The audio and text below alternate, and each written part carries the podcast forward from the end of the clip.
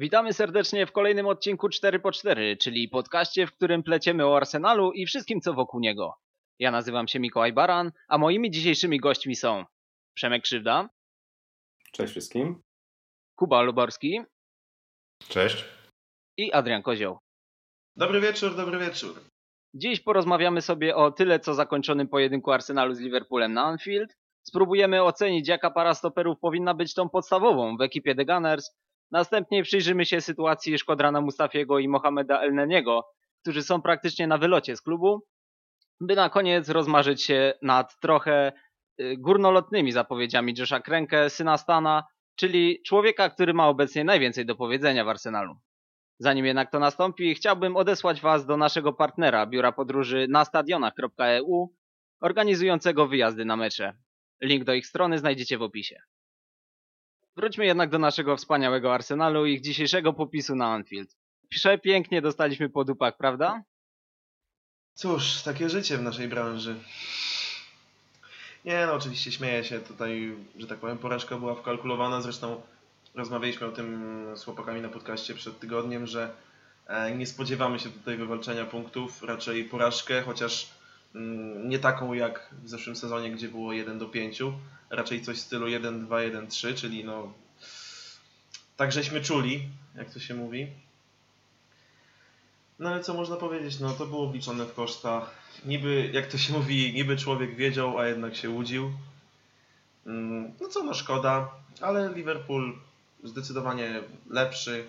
Chociaż w pierwszej połowie był ten pomysł na grę, były te kontry, ale jednak ten mecz dobitnie pokazał, że, że niewykorzystane sytuacje lubią się mścić, a nawet, a nawet uwielbiają. No właśnie tutaj, e, jak Adrian powiedział, w pierwszej połowie nie wyglądało to najgorzej. Arsenal wydawał się być drużyną dobrze zorganizowaną w obronie. E, Miał Unai Emery widać pomysł na ten mecz, e, swój pomysł jak zatrzymać Liverpool, który wysypał nam się w 40 minucie. No, po błędzie Guendouziego do spółki z Sokratisem w kryciu Matipa i Van Dijk'a. E, Tam Van Dijk bodajże był faulowany, za co mógł być odgwizdany rzut karny, ale ostatecznie skończyło się golem. Tak czy tak. E, No i tak wchodząc w szczegóły tego spotkania, e, pierwsza rzecz, która się rzuca, w oczy, to zdecydowanie to, że Unai Emery po jakby tym okresie, kiedy Arsenal bronił się tak dosyć żywo przed atakami Liverpoolu i przegrywał do przerwy 1-0, nie zmienił, się, nie zmienił nastawienia zespołu w tym spotkaniu. Mogliśmy się spodziewać, że to ulegnie zmianie, że może na boisku zamelduje się od razu Alexandre Lacazette. Tak się jednak nie stało. Francuz wszedł dopiero w 80 minucie i zaliczył, dał dobrą zmianę. I to daje nam do myślenia, czy nie można było tego zrobić wcześniej, takiego ruchu. Trzeba też oddać Emeremu, e, nie oddać może Emeremu, a zarzucić mu to, że oprócz e, tego, że wystawił taką, a nie inną jedenastkę i tak, a nie inaczej zachował się e, w trakcie meczu, że no nie reagował myślę właściwie na wydarzenia na boisku. E, Te zmiany były zdecydowanie za późno, te zmiany były trochę nieadekwatne do tego, co widzieliśmy. Jeśli Arsenal chciał zyskać pole wcześniej, chciał e, gonić wynik, bo już tak naprawdę przy 1-0 nie ma znaczenia, czy przegramy 4 czy, e, czy 1-0, e, tylko trzeba gonić i atakować Liverpool. Tak się jednak nie stało.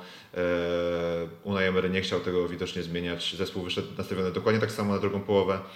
No i cóż, dwie, dwie, dwa babole Dawida Luiza pokazały, że nie jest to e, na, obrońca, na którego liczyliśmy, e, jeszcze przynajmniej.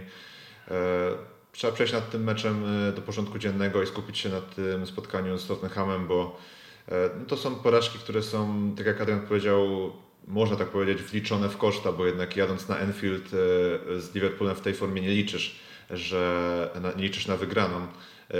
Chociaż powinniśmy oczywiście w to celować, ale bądźmy realistami. Arsenal nie był faworytem, nie miał prawa wygrać e, na, na Enfield, e, zwłaszcza w takim, e, grając takie spotkanie jak zagrał i musimy się teraz skupić na, na, na tym spotkaniu i to by było tyle w tej kwestii. Ja chciałbym jeszcze na chwilkę wrócić do tego, co mówiliście na początku, czyli że teoretycznie Arsenal miał pomysł na ten mecz w pierwszej połowie, ponieważ nie mogę się z wami zgodzić.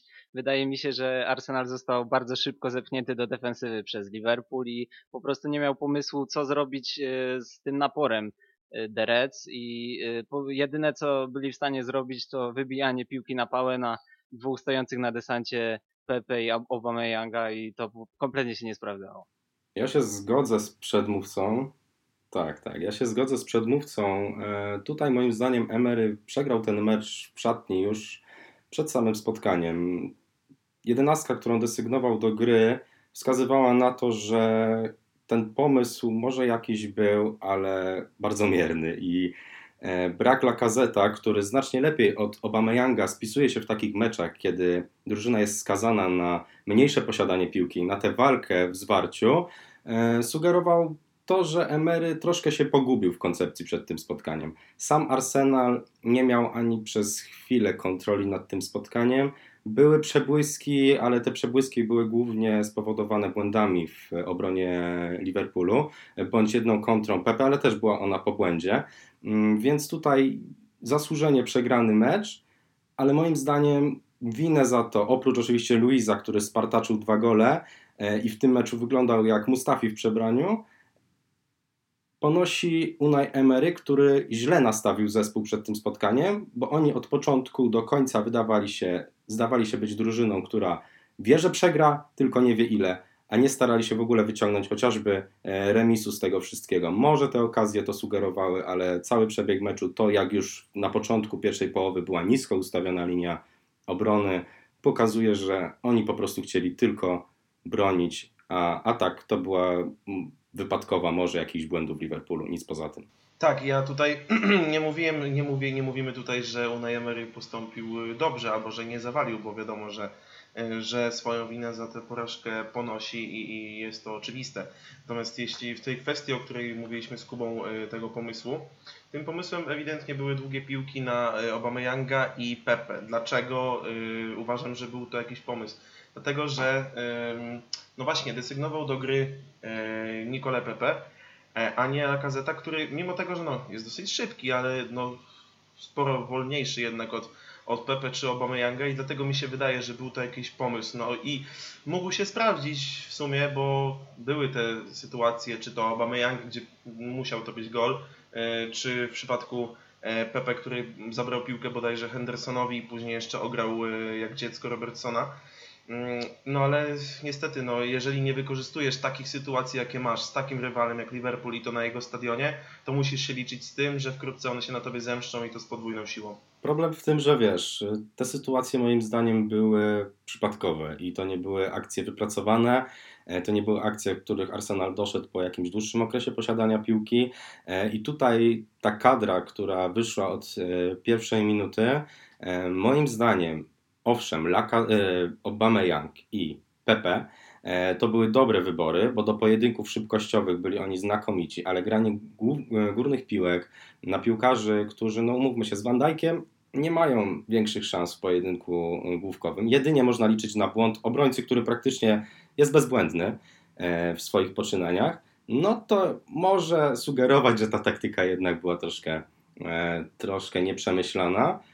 I Lacazette za moim zdaniem Willocka, którego niskie doświadczenie w tym meczu było widoczne, e, mógł bardzo wiele zmienić i Arsenal może, nie mówię, żeby wygrał bądź zremisował to spotkanie, ale na pewno wyglądałby e, trochę lepiej. Tak, chodziło mi tylko o, o mierzenie, o mierzenie sił, y, sił na zamiary. Nie jesteśmy i podejrzewam jeszcze w najbliższym sezonie nawet nie będziemy e, drużyną Arsenal, który będzie mógł wyjść i grać w otwarte karty e, z Liverpoolem. Po prostu nie mamy na to e, graczy, nie mamy ku temu potencjału ludzkiego. To jest drużyna silniejsza i dlatego wydaje mi się, że dlatego e, Emery chciał mm, że tak powiem, graczy na kontry, tak? No to się nie sprawdziło oczywiście w ostatecznym rozrachunku, no ale gdyby, gdyby z kolei te, któraś z tych sytuacji była wykorzystana, i Arsenal ten mecz jakimś cudem by wygrał, to wtedy mówilibyśmy o y, geniuszu taktycznym Emery'ego, że tak ustawił drużynę, że właśnie nie odsłaniał się y, przed y, świetnie grającym Liverpoolem, tylko właśnie przeczekał ich ataki i skontrował umiejętnie, tak? Więc no to, to zawsze wynik determinuje pewne sprawy i wynik czasami broni menedżerów, bądź właśnie wskazuje na ich winę. No tutaj było to, było to widać ten drugi, niestety dla nas, e, ten drugi wariant. Ja też poprę tutaj e, Adriana.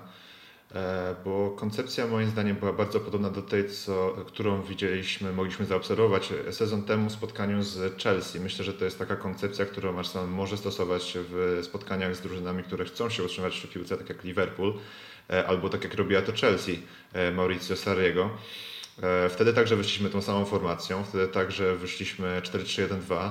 Oczywiście to byli inni wykonawcy, bo tutaj środek, tam w środek pola był e, Genduzi i Krzaka Torreira i przed nimi grał Aon Ramsey, który wydatnie wspierał obronę e, w poczynaniach. A także z przodu był też Lacazette i tam to spotkanie wygraliśmy 2-0 i myślę, że zamysł tutaj był podobny, no ale niestety Liverpool to drużyna o klasę lepsza od, od Chelsea, a także graliśmy na wyjeździe, co na pewno miało swój swój udział w tej, w tej porażce, a także e, tym, jak zaprezentowali nam się kanonierzy. I tutaj tak przechodząc może do, od e, ogółu do szczegółu, skupiłbym się na kilku postaciach z tego spotkania. E, wspominał Przemek o Nikolasie Pepe. Osobiście jestem zauroczony jego występem, bo to naprawdę, to jak się zaprezentował na, poziomie, na tle tych obrońców, obrońców Liverpoolu z obrony, która naprawdę w tamtym sezonie, a także w tym sezonie E, no dobra, w tym sezonie może ma swoje powiedzmy ułomności, ale w tamtym sezonie była jedną z najlepszych, jakie widzieliśmy ostatnimi laty w Premier League. E, na tle takiego Robertsona czy też e, Virgila van Dijk'a pokazał, że naprawdę Arsenal będzie miał z niego ogromną, ogromną pociechę, że gość ma niesamowite pokrętło w nodze że nie boi się tych driblingów, pojedynków jeden na jeden i jest czymś, czego brakowało Arsenalowi naprawdę w poprzednim sezonie. E, bo dokłada do, tej jakby, do tych jakby pojedynków właśnie skutecznych jeden na jeden e, Aleksa Iłobiego, którego już z nami nie ma. E, także zagrożenie czysto do bramki, bo gość widać, że potrafi uderzyć na tą bramkę i widać, że ma na nią ciąg. Pepe, Pepe był zdecydowanie najjaśniejszą postacią w Arsenalu, czego nie powiem o najjaśniejszej postaci Arsenalu z spotkania sprzed tygodnia, czyli Daniel Sebajosie. No tutaj kompletny zawód, nie było go na boisku praktycznie. E, de facto nie istniał. E, na tle Liverpoolu zaprezentował się bardzo blado. E, jedno podanie, kryminał wręcz z pierwszej połowy, gdzie podał do Mane przez środek, to nadaje się tylko i wyłącznie do podręcznika, jak nie wybijać piłek z własnej połowy. To mogło nas kosztować bramkę i nie, i nie jest stawiany chyba na, na, równi z Luizem za to spotkanie, tylko dlatego, że to nie kosztowało nas de facto bramki, ale mogło i wcale nie musiało się tak, tak radośnie skończyć. Mm, I trzecia postać, którą chciałem jakby wyróżnić e, tak, e, tak na plus, tak jak i na minus, to Matteo Genduzi. Widziałem też ponownie pierwsze reakcje fanów Arsenalu, którzy już zsyłają gościa do rezerw. E, moim zdaniem bardzo niezasłużenie. W wielu momentach wykazywał się naprawdę odpowiedzialnością na boisku przewyższającą kogokolwiek z naszej linii pomocy. Moim zdaniem był także najlepszym naszym pomocnikiem w tym spotkaniu. E, może na równi z Willockiem, ale to, e, to raczej nie ma dużego znaczenia w chwili obecnej, bo obydwaj nie zagrali fenomenalnego spotkania, a co najwyżej dobre. Natomiast Guendouzi ma to coś, e, czego nam brakuje, czyli to wejście między kilku rywali, dobre rozegranie piłki. Czasami jest chaotyczny faktycznie, zawalił przy pierwszej bramce, ale ogółem jego wykonanie przez niego swojej roboty w tym spotkaniu także uważam za niezłe. Na pewno podobnie jak tydzień temu podtrzymuję swoją opinię, że to jest już materiał na zawodnika, który może partnerować Lukasowi Torejrze na stałe w pierwszej drużynie Arsenalu. Chciałbym, żebyście wypowiedzieli się jeszcze na temat y, naszych stoperów w tym meczu Sokratisa oraz Dawida Luiza i przy okazji nawiązali do naszego następnego tematu, a więc y, jak sądzicie, która para stoperów powinna być tą podstawową w drużynie Arsenalu? Ja tu jeszcze wtrącę delikatnie a propos Pepe, E, o którym wspomniał e, kolega wcześniej.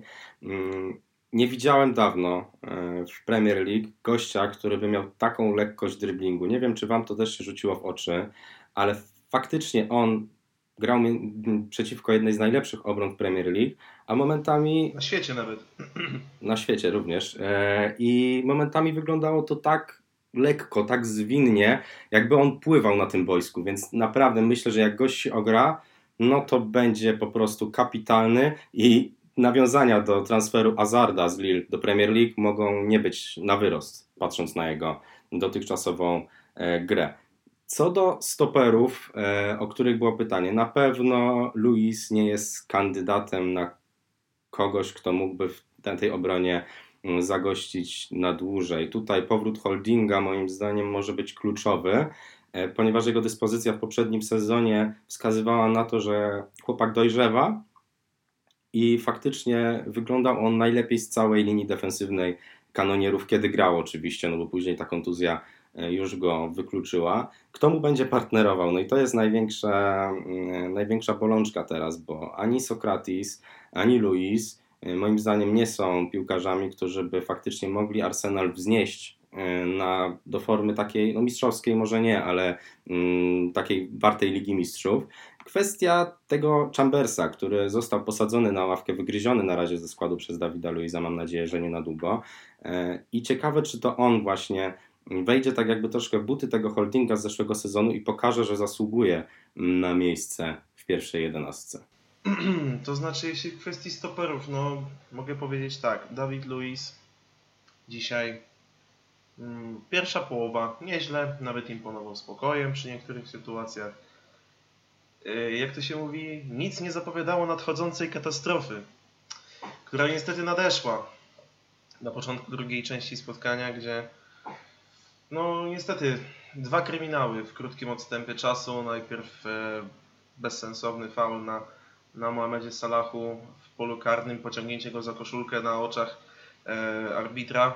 No, nie, mogło być, nie mogło być innej decyzji niż e, oczywisty rzut karny. No i kilka chwil później, no kilka minut później, czy to kilkanaście, e, tak samo wyjście do niego, e, bez, też bezsensowne, zamiast poczekać na, na Reala, który mógł, który by wrócił i ten opóźniać e, pana Salaha. Nie, on sobie poszedł tutaj na raz, dał się ograć, na co niestety no, ma też swoje lata, nie zdążył wrócić. No i katastrofa murowana, drugi gol stracony. Niestety na ten moment jest to optymalna para stoperów, ponieważ wydaje mi się, że teraz w tym momencie e, Callum Chambers jest e, to jest solidny obrońca, ale nie na klasę Arsenalu, tak? I wydaje mi się, że właśnie teraz Sokratis z Luizem będą grać, natomiast po powrocie Roba Holdinga mam nadzieję jak najszybciej do pełnej E, dyspozycji i do swojej najlepszej, optymalnej formy, jaką e, prezentował w zeszłym sezonie. Mam nadzieję, że do takiej dojdzie, bo potrzebujemy tego, jak tlenu. Mm, to właśnie on będzie występował w pierwszym składzie razem z Sokratisem. Sokratis dzisiaj troszeczkę elektryczny, e, troszkę niepewny. To, co mówił tutaj Kuba bodajże, że faulował przy, przy golu na, na 1 do 0 dla Liverpoolu Virgila van Dijk'a. Gdyby nie E, ten gol, to najprawdopodobniej mielibyśmy rzut karny w związku z tym, że jest war w Anglii już teraz, dzięki Bogu. E, I takie troszkę mówię, elektryczny występ, ale na pewno pewniejszy niż, niż występ Luiza. E, I gdybym, gdybym to w tym momencie miał wskazać, który z nich będzie do odstrzału po powrocie holdinga do pełnej dyspozycji, jeśli do tego powrotu do, do pełnej dyspozycji dojdzie, to byłby to właśnie E, byłby to właśnie Dawid Luiz. Tak samo jak przedmówcy. E, no Luiz niestety dwa dziecinne błędy. E, dziecinne, bo nie wiem jakim cudem taki obrońca z takim doświadczeniem, z takim bagażem doświadczeń może myśleć, że coś takiego mu idzie na sucho w polu karnym, zwłaszcza teraz, kiedy VAR zagościł już na stałe w Anglii.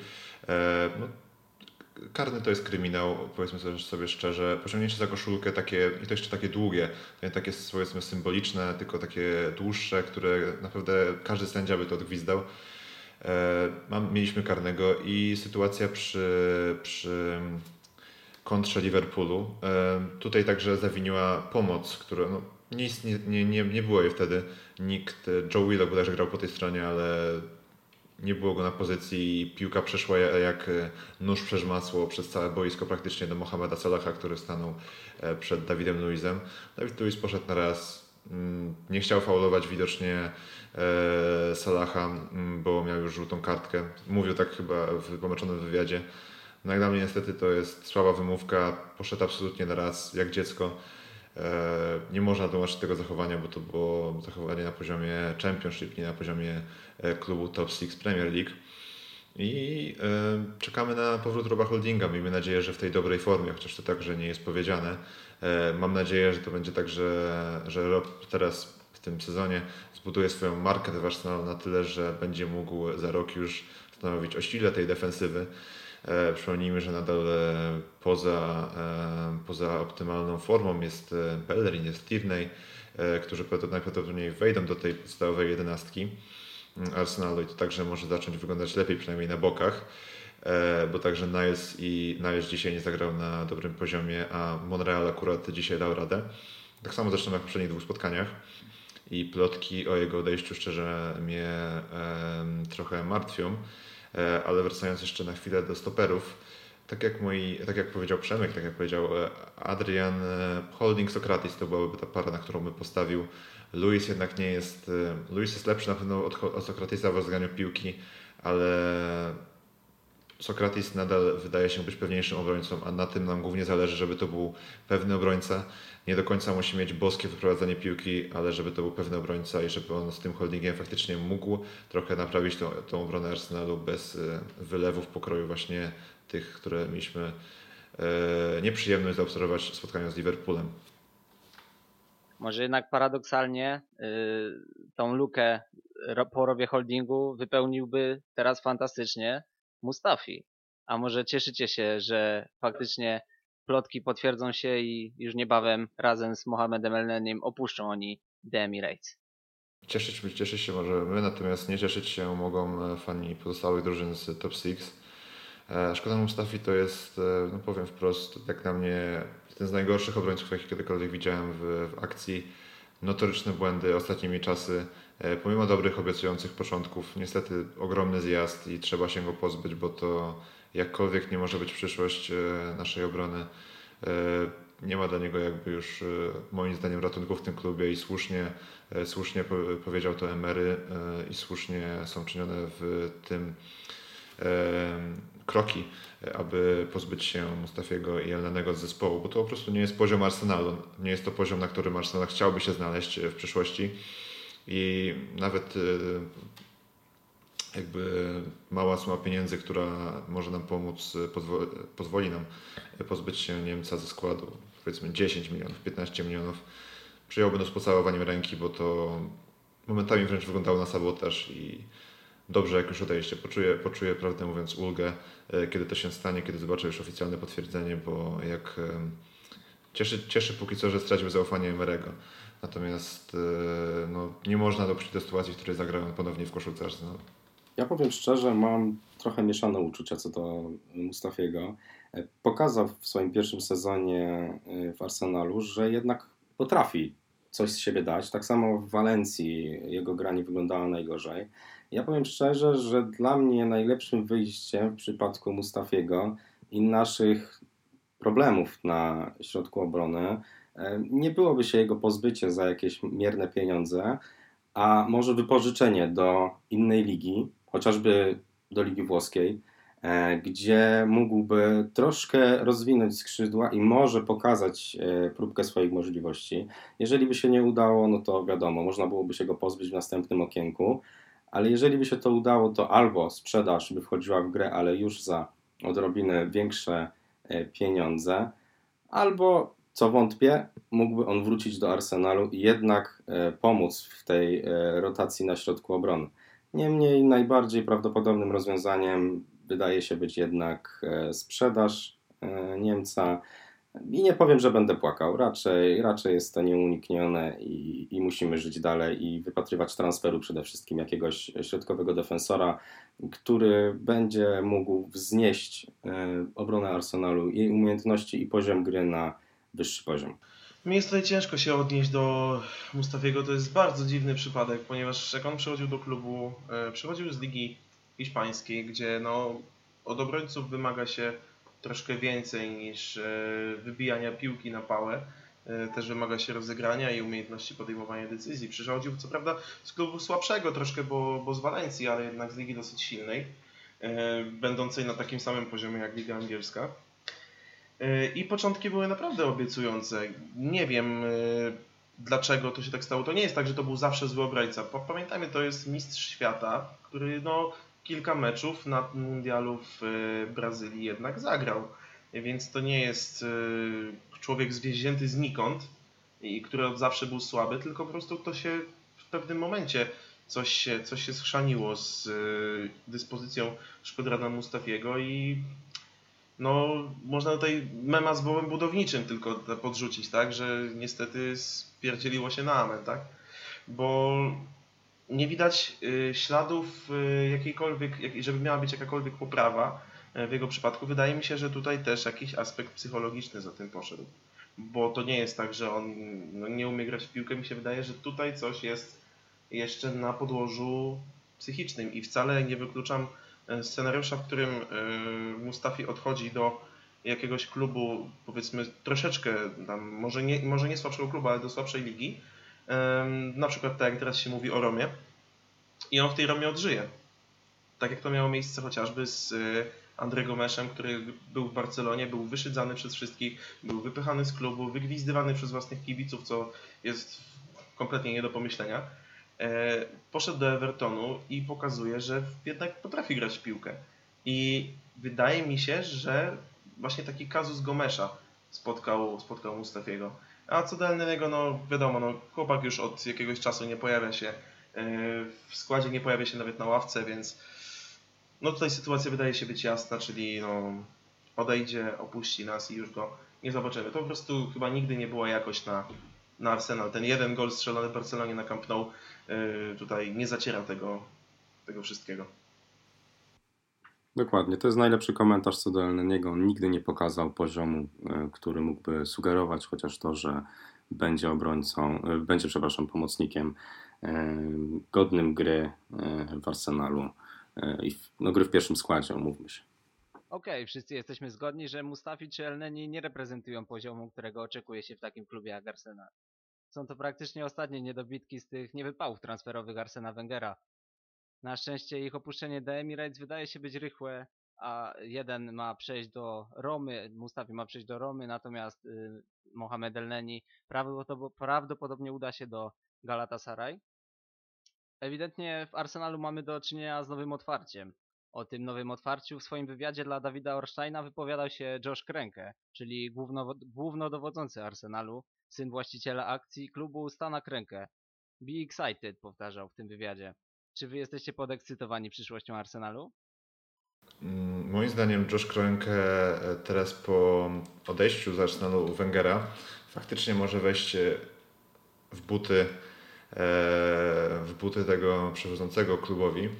Mm, dał mi na to nadzieję Dawid Orstein, tutaj ten, który właśnie prowadził wywiad z Joshem, mówiąc, że no, może teraz właśnie to się zmieni, zarządzanie głównie w klubie, bo wcześniej było to tak trochę, że tak powiem, dyktatorsko może pod Wengera, że te spotkania właśnie, jak Josh mówił, były dwuosobowe i te decyzje były tylko w tym gronie, a teraz to są, to jest większe grono, to jest więcej poziomów spostrzeżeń, więcej punktów widzenia E, i różne, e, różne możliwe opcje do wykonania.